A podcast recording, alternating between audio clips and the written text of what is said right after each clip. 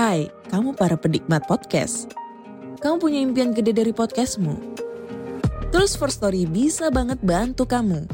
Mulai dari F-Link, Dynamic Audio Insertion, sampai statistik yang komprehensif. Semua ada di First Story. Gak ketinggalan kamu bisa monetisasi podcastmu lewat iklan dari First Story Ads yang bisa kasih kamu penghasilan dari setiap place podcastmu. Yuk gabung sekarang dengan klik di firststory.me. Sekali lagi, klik di firststory.me. Mari kita bawa mimpi podcastingmu menjadi kenyataan.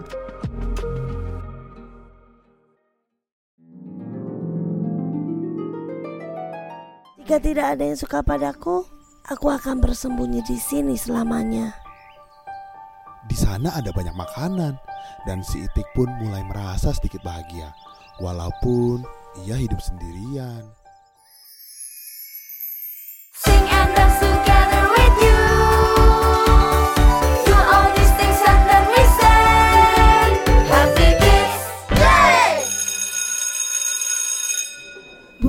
Memangnya angsa itu kalau kecil terlihat jelek ya? Kenapa Roni tanya begitu? Soalnya dari cerita aku baca selama liburan kemarin, ada angsa yang waktu kecil terlihat jelek sampai dimusuhi oleh teman-temannya. Oh, apa yang kamu maksud itu si Itik yang buruk rupa? Cerita ini berasal dari negara Denmark dan memang sangat populer diceritakan kepada anak-anak di Indonesia. Kita dengerin ceritanya sama-sama yuk. Pada suatu musim panas yang indah, seekor ibu itik sedang menunggu telur-telurnya untuk menetas. Setelah beberapa lama, keluarlah anak-anak itik itu dari telur-telurnya. Tapi ada satu telur yang tersisa. Dengan sabar, si ibu itik itu mengerami telur tersebut hingga akhirnya menetas. Tapi terkejutlah ia karena anak itik yang keluar itu sangat buruk rupa. Si ibu itik bertanya-tanya dalam hatinya. Kenapa ada satu anak yang sangat berbeda dari anak-anaknya yang lain? Ah, aku tidak mengerti bagaimana anakku bisa seburuk rupa ini. Si itik yang berwarna abu-abu ini memang buruk rupa. Dan karena ia makan lebih banyak dibandingkan dengan kakak-kakaknya, ia pun lama-kelamaan menjadi lebih besar dari mereka. Hari-hari berlalu dan si itik yang buruk rupa ini merasa tidak bahagia. Kakak-kakaknya tidak mau bermain dengan dirinya. Dia sangat kikuk dan semua binatang di pedesaan menertawakan dirinya.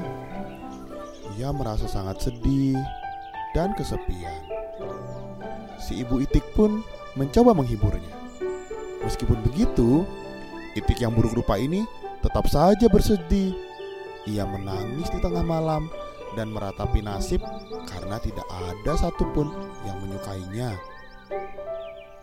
Tidak ada yang menyayangi aku. Semua meledekku. Kenapa aku berbeda dari kakak-kakakku? Keesokan harinya saat matahari terbit, ia melarikan diri dari pedesaan.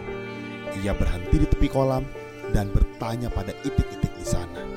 Tahukah kalian itik lain yang punya bulu abu-abu seperti aku?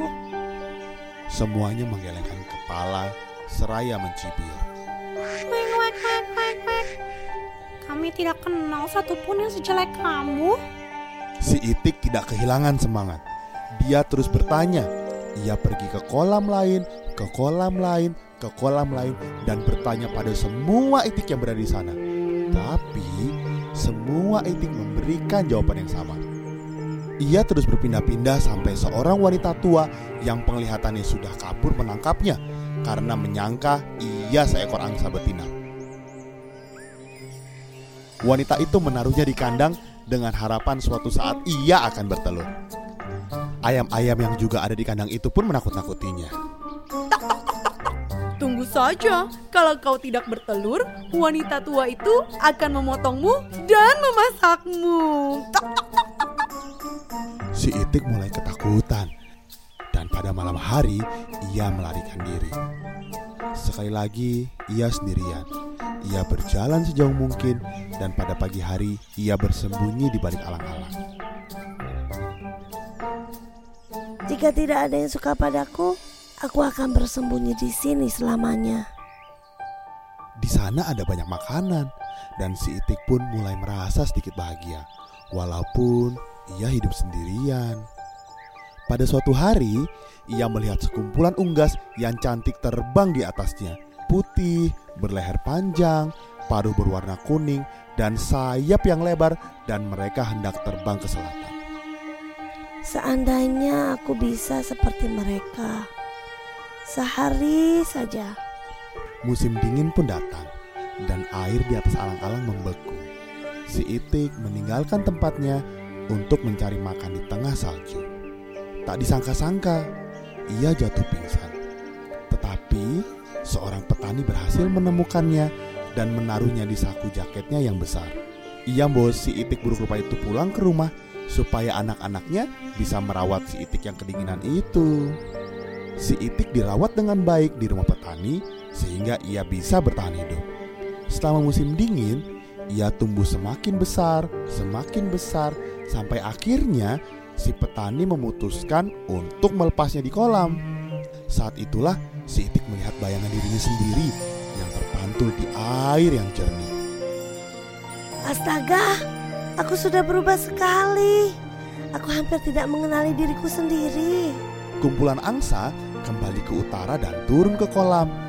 Ketika si Itik melihat mereka, ia menyadari bahwa ia sangat mirip dengan angsa-angsa yang cantik itu.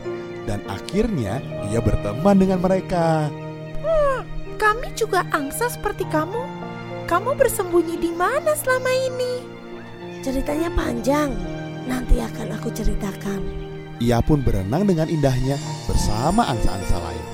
Suatu hari, ia mendengar anak-anak kecil di tepi sungai menatapnya dengan penuh kagum. Lihatlah angsa muda itu. Ia yang terbagus dari semuanya. Ia pun menjadi bahagia dan bersyukur dengan hidupnya. Jadi ternyata itik yang buruk rupa itu adalah angsa hitam yang cantik ya bu. Betul nak, angsa hitam atau dalam bahasa Inggris disebut black swan pertama kali ditemukan pada tahun 1697 di Australia bagian barat. Dan semenjak itu menjadi populer di kalangan orang Eropa yang pada waktu itu berpikiran bahwa semua angsa berwarna putih.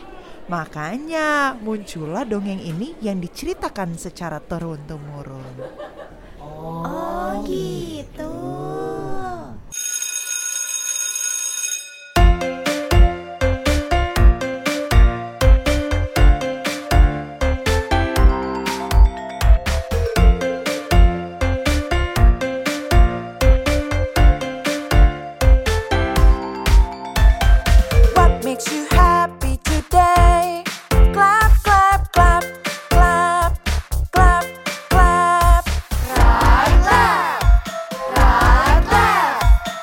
Makes you happy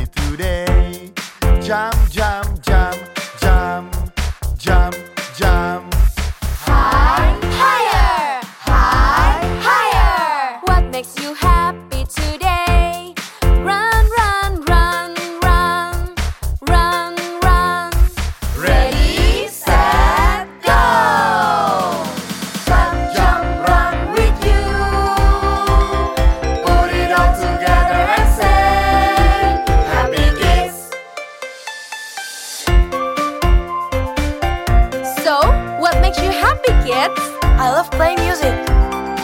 And what about you?